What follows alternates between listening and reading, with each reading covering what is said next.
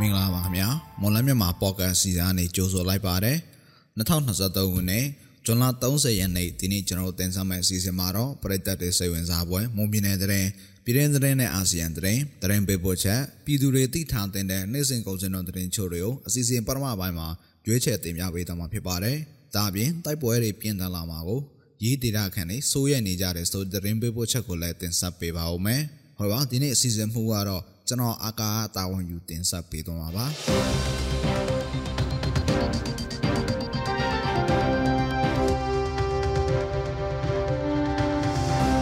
ပထမဦးဆုံးသတင်းတစ်ပုဒ်အနေနဲ့ပေါင်မြို့နယ်ကပြည်သူ့ပါတီဝင်တူဖြစ်သူဦးဝင်းညို့စစ်ကောင်စီကဖမ်းဆီးပြီးအမှုဖွင့်ထားတယ်လို့သိရပါတယ်။ဇွန်လ29ရက်ည9:00နာရီအချိန်ခန့်ကပေါင်မြို့နယ်ကျွဲချံကြီးရွာဘူရာအပိုင်းနေဦးဝင်းညို့နေအိမ်မှာ စစ်ကောင်စီစစ်တပ်တို့ကလာရောက်ဖမ်းဆီးခဲ့ပြီးအကြမ်းဖက်မှုတိုက်ဖျက်ရေးဥပဒေပုံမှန်52ကကြီးနဲ့အမှုပွင့်ထားတယ်လို့ဦးဝင်းညွန့်နဲ့နှိဆက်သူတွေကဆိုပါတယ်။အကြမ်းဖက်မှုတိုက်ဖျက်ရေးဥပဒေနဲ့အမှုပွင့်ခံရတဲ့ဦးဝင်းညွန့်ကိုလက်ရှိမှာတော့ပေါင်မြို့မှရဲစခန်းမှာထိန်ထိန်ထားပါတယ်။မွန်ပြည်နယ်မှာစစ်အာဏာသိမ်းပြီးနောက်ပိုင်း2023ခုနှစ်ဇွန်လ26ရက်အထိဖမ်းဆီးခံရသူ400ကျော်ရှိပြီး200ကျော်ပြန်လည်လွတ်မြောက်ခဲ့တယ်လို့နိုင်ငံရေးအကျဉ်းသား ကူညီဆောက်ရှောက်ရေးအသင်း AABB ရဲ့ထုတ်ပြန်ချက်အရသိရပါတယ်ခင်ဗျာ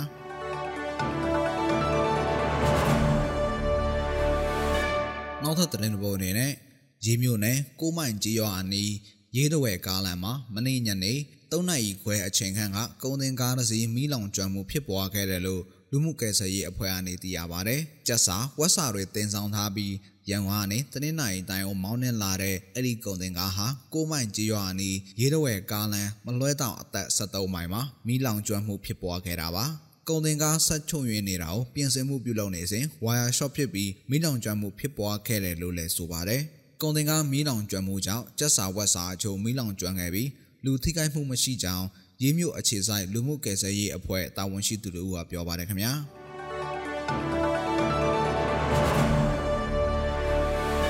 နောက်ထပ်သတင်းတစ်ပုဒ်အနေနဲ့မြန်မာနိုင်ငံမှာလူကုန်ကူးမှုပပျောက်ရေးအတွက်တိတာထင်ရှားတဲ့ကြိုးပမ်းဆောင်ရွက်မှုမရှိသလိုလူကုန်ကူးမှုတိုက်ဖျက်ရေးမှာလည်းပူးပေါင်းဆောင်ရွက်မှုမရှိတဲ့အဆိုးဝါးဆုံးနိုင်ငံအဆင့်3နေရာမှာရှိနေကြောင်းအမေရိကန်ပြည်ထောင်စုကထုတ်ပြန်ပါတယ်။ ကမ္ဘာ188နိုင်ငံကလူကုန်ကူးမှုအခြေအနေတွေကိုစမ်းစစ်လေ့လာထားတဲ့အမေရိကန်နိုင်ငံသားရေးဝန်ကြီးဌာနရဲ့2023ခုနှစ်လူကုန်ကူးမှုဆိုင်ရာနှစ်ပတ်လည်အစည်းအဝေးခန်းစာမှာဖော်ပြထားတာပါ။မြန်မာစစ်တပ်ဟာကလေးတငယ်တွေနဲ့အသက်အရွယ်ကြီးရင်သူတွေကိုအဓမ္မလောက်အားခိုင်းစေတာတွေရှိခဲ့တယ်လို့ဆိုပါတယ်။သိတာထင်ရှားတဲ့ကြိုးပမ်းဆောင်ရွက်မှုတွေမရှိပေမဲ့လူကုန်ကူးသူတွေကိုစုံစမ်းစစ်ဆေးပြီးပြစ်ဒဏ်ပေးတာတွေလူကုန်ကူးမှုအသိပညာပေးပွဲကျင်းပတာတွေကို စစ်ကောင်ဆောင်ကအစီရင်ခံတင်ပြခဲ့တယ်လို့ဆိုပါတယ်။ဒါပေမဲ့လူကုန်ကူးမှုမှာပါဝင်ပတ်သက်တဲ့စစ်တပ်အရာရှိဒါမှမဟုတ်အစိုးရအရာရှိတွေပေါ်အရေးယူဆောင်ရွက်မှုတွေကိုတော့အစီရင်ခံစာမှာဖော်ပြမထားခဲ့ဘူးလို့လည်းဆိုပါတယ်။2021ခုနှစ်အာနာသိမ်းပြီးတဲ့နောက်ပုံမဆိုးဝါးလာတဲ့ပြိပခါတွေကြောင့်ထွက်ပြေးရတဲ့သူတသန်းကျော်ရှိနေပြီးအများစုဟာလူကုန်ကူးခံရမယ့်အနေနဲ့ရင်ဆိုင်နေရတယ်လို့ဆိုပါတယ်ခင်ဗျာ နောက်ထပ်သတင်းတစ်ပုဒ်အနေနဲ့စစ်ကောင်စီတပ်ရဲ့လေကြောင်းတိုက်ခိုက်မှုတွေအပါအဝင်ဖမ်းဆီးတပ်ဖြတ်ခံရမှုတွေကြောင့်2023ခုနှစ်ဧပြီလကနေဇွန်လအထိ3လအတွင်းတိုင်းနယ်ပြည်နယ်17ခုမှာအမျိုးသမီး132ဦးသေဆုံးခဲ့တယ်လို့မြမအမျိုးသမီးတမက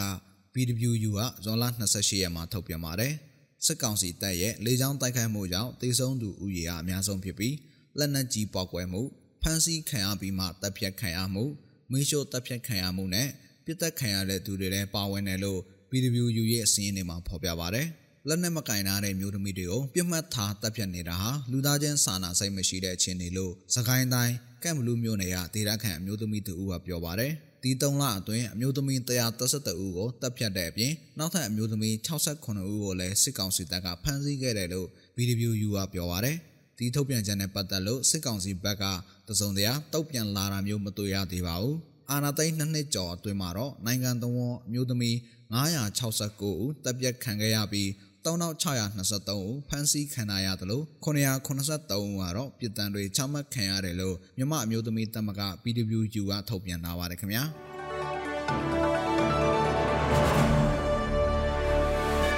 နောက်ဆုံးသတင်းတစ်ပုဒ်အနေနဲ့မြန်မာစစ်တပ်ကိုလက်နက်တင်ပို့ရောင်းချမှုရပ်တန့်ဖို့အိန္ဒိယအစိုးရကိုမြန်မာအရေးလှုပ်ရှားဆောင်ရွက်နေတဲ့ Justice for Myanmar အဖွဲ့ကတောင်းဆိုလိုက်ပါတယ်မြန်မာတရားမျှတရေး Justice for Myanmar ရဲ့ပြောဆိုချက်အရဆိုရင်အိန္ဒိယကနေမြန်မာကိုတင်ပို့ရောင်းချနေတဲ့လက်နက်နဲ့စစ်ပစ္စည်းအချို့ဟာဆွီဒင်နိုင်ငံထုတ်လက်နက်ပုံစံဒီဇိုင်းကိုယူထားတယ်လို့ဆိုပြီးအိန္ဒိယကိုဖိအားပေးဖို့ဆွီဒင်နိုင်ငံကိုထပ်မံတောင်းဆိုထားပါတယ်။ဒါ့အပြင်ပြီးခဲ့တဲ့သတင်းပတ်က အိန္ဒိယဝန်ကြီးချုပ်အမေရိကန်နိုင်ငံကိုတွားရောက်လဲပတ်ရမှာအမေရိကန်ဂျပန်ဩစတြေးလျနိုင်ငံတို့ပါဝင်တဲ့စီးရီးမဟာမိတ်အစည်းအဝေးပွဲတစ်ခုကိုတက်ရောက်ခဲ့ပါတယ်။ဒါကြောင့်မြန်မာစစ်တပ်ကိုလက်နက်တင်ပို့ရောင်းချနေတဲ့အိန္ဒိယကိုဖိအားပေးနိုင်ဖို့အမေရိကန်အစိုးရကိုလည်း Justice for Myanmar တောင်းဆိုထားပါတယ်။အဲ့ဒီပစ္စည်းတွေတင်ပို့မှုဟာမြန်မာစစ်အုပ်စုရဲ့နိုင်ငံတကာရာဇဝတ်မှုတွေကိုအားပေးကူညီနေတာဖြစ်ပြီး နိုင်ငံတကာလူအခွင့်အရေးနဲ့လူသားချင်းစာနာထောက်ထားမှုဥပဒေအောက်မှာရှိတဲ့အိန္ဒိယရဲ့တာဝန်ဝတ္တရားတွေနဲ့ဝါစနာအစီအစဉ်မှာပါတဲ့ဂရိကဝတ်တွေကိုလစ်လျူရှုနေတယ်လို့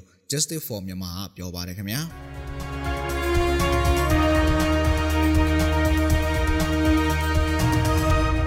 ပြည်သူတွေသိထားတဲ့နေ့စဉ်ကုန်စည်နှုန်းတွင်ချို့တွေကိုမော်လမြိုင်ကုန်စည်တိုင်းကအချက်လက်တွေကိုအချိန်အမီတင်ဆက်ပေးပါဦးမယ်။ ပါဒီနေ့ထိုင်းနဲ့မြန်မာငွေလဲနှုန်းကတော့ထိုင်းဘတ်89.3ကိုဝယ်ဈေးရှိနေပြီးရောင်းဈေးက93.6ရှိနေပါတယ်။ဒေါ်လာဈေးကတော့အမေရိကန်ဒေါ်လာကိုဝယ်ဈေးမြန်မာငွေ3180ရှိပြီးရောင်းဈေးကတော့3190ရှိနေပါတယ်။ရွှေစင်းနှုန်းကမီလင်း16ပဲကျပ်သားကိုအပြင်ပေါက်ဈေး32သိန်းဝန်းကျင်မှာရှိနေပါတယ်။73စီတွေကတော့ဒီဇယ်1လီတာကို1985ကျပ်အောက်သိန်း62တလီတာ1990နဲ့ 95တလီတာကို2090ကျပ်အထိရှိနေတာပါ။စံစင်းနှုန်းကတော့အကောင့်စားပေါ်ဆက်မွေ108ပေါင်အမြင့်ဆုံးကို86,500ကျပ်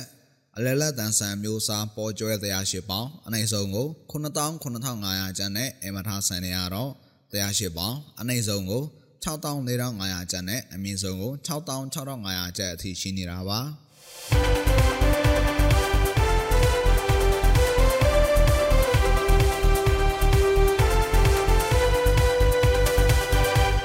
ခုတင်ဆက်ပေးသွားခဲ့တာကဇွန်လ30ရက်နေ့မှာဖြစ်ပျက်ခဲ့တဲ့မွန်ပြည်နယ်တဲ့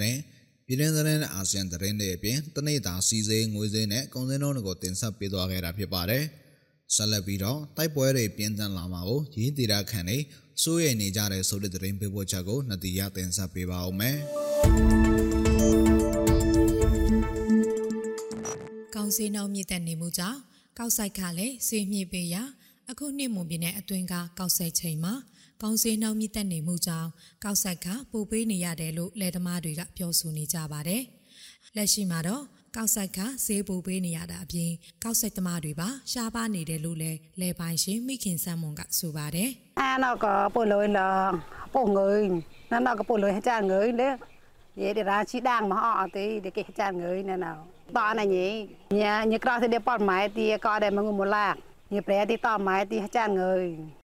ဒါအပြင်လမ်းပန်းဆက်သွယ်ရေးနဲ့နိုင်ငံသားကိုတွားရောက်လောက်လောက်ကင်မှုများလာတာကြောင့်အလုတ်သမားရှားပါလာရတယ်လို့လည်းသူမကဆက်ပြောပါတယ်။ကောက်ဆိုင်တဲ့အလုတ်ဟာပင်ပန်းတဲ့အလုတ်ဖြစ်ပြီးကောက်ဆက်တဲ့အချိန်ကစားပြီးရိတ်သိမ်းချိန်ထိလောက်မှစပါတင်းတရားပဲရတဲ့အတွက်ဒေတာခန်တွေကလဲလောက်လောက်ကင်သူရှာလာပြီးအထက်အညာကပမာတွေကိုငှားရပြီးဒီနှစ်ကောက်ဆိုင်စရိုက်ကိုရဝဲကလူတွေကိုတစ်နေ့၈000 9000ပေးရတယ်လို့သိရပါတယ်။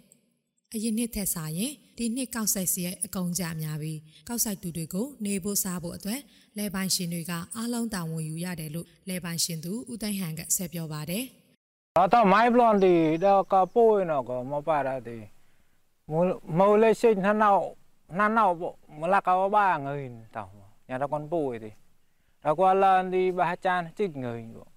ဒီကောက်တီတော့ကွန်ပိုးမလာဖိုက်တောင်းမနော် ဒီရကွာလာနေတဲ့စားနေပေါ့စားရကွာလာဒီတော့ရနောက်ခေရှိအစားနုမငုရနော်ကောင်းချစီစားဘူးလှောက်ဝေးဘဘာရနေအွန်လာတော့မှန်းဘူးလေဒါအပြင်စပားစိုက်ပျိုးနေချိန်မှာစပားဖြစ်ပိုးတွေခရုတ်ကိုက်တာတွေဖြစ်တတ်ပြီးပိုသက်ဆေးဖြန်းရတာတွေခရုတ်ကိုက်ပြီးအပင်သေးလို့စပားထွက်နေလာတဲ့ပြဿနာကလယ်သမားတွေအတွက်နှစ်စဉ်ကြုံတွေ့နေရတဲ့စိန်ခေါ်မှုကြီးတစ်ခုဖြစ်နေတယ်လို့ဆိုပါတယ်။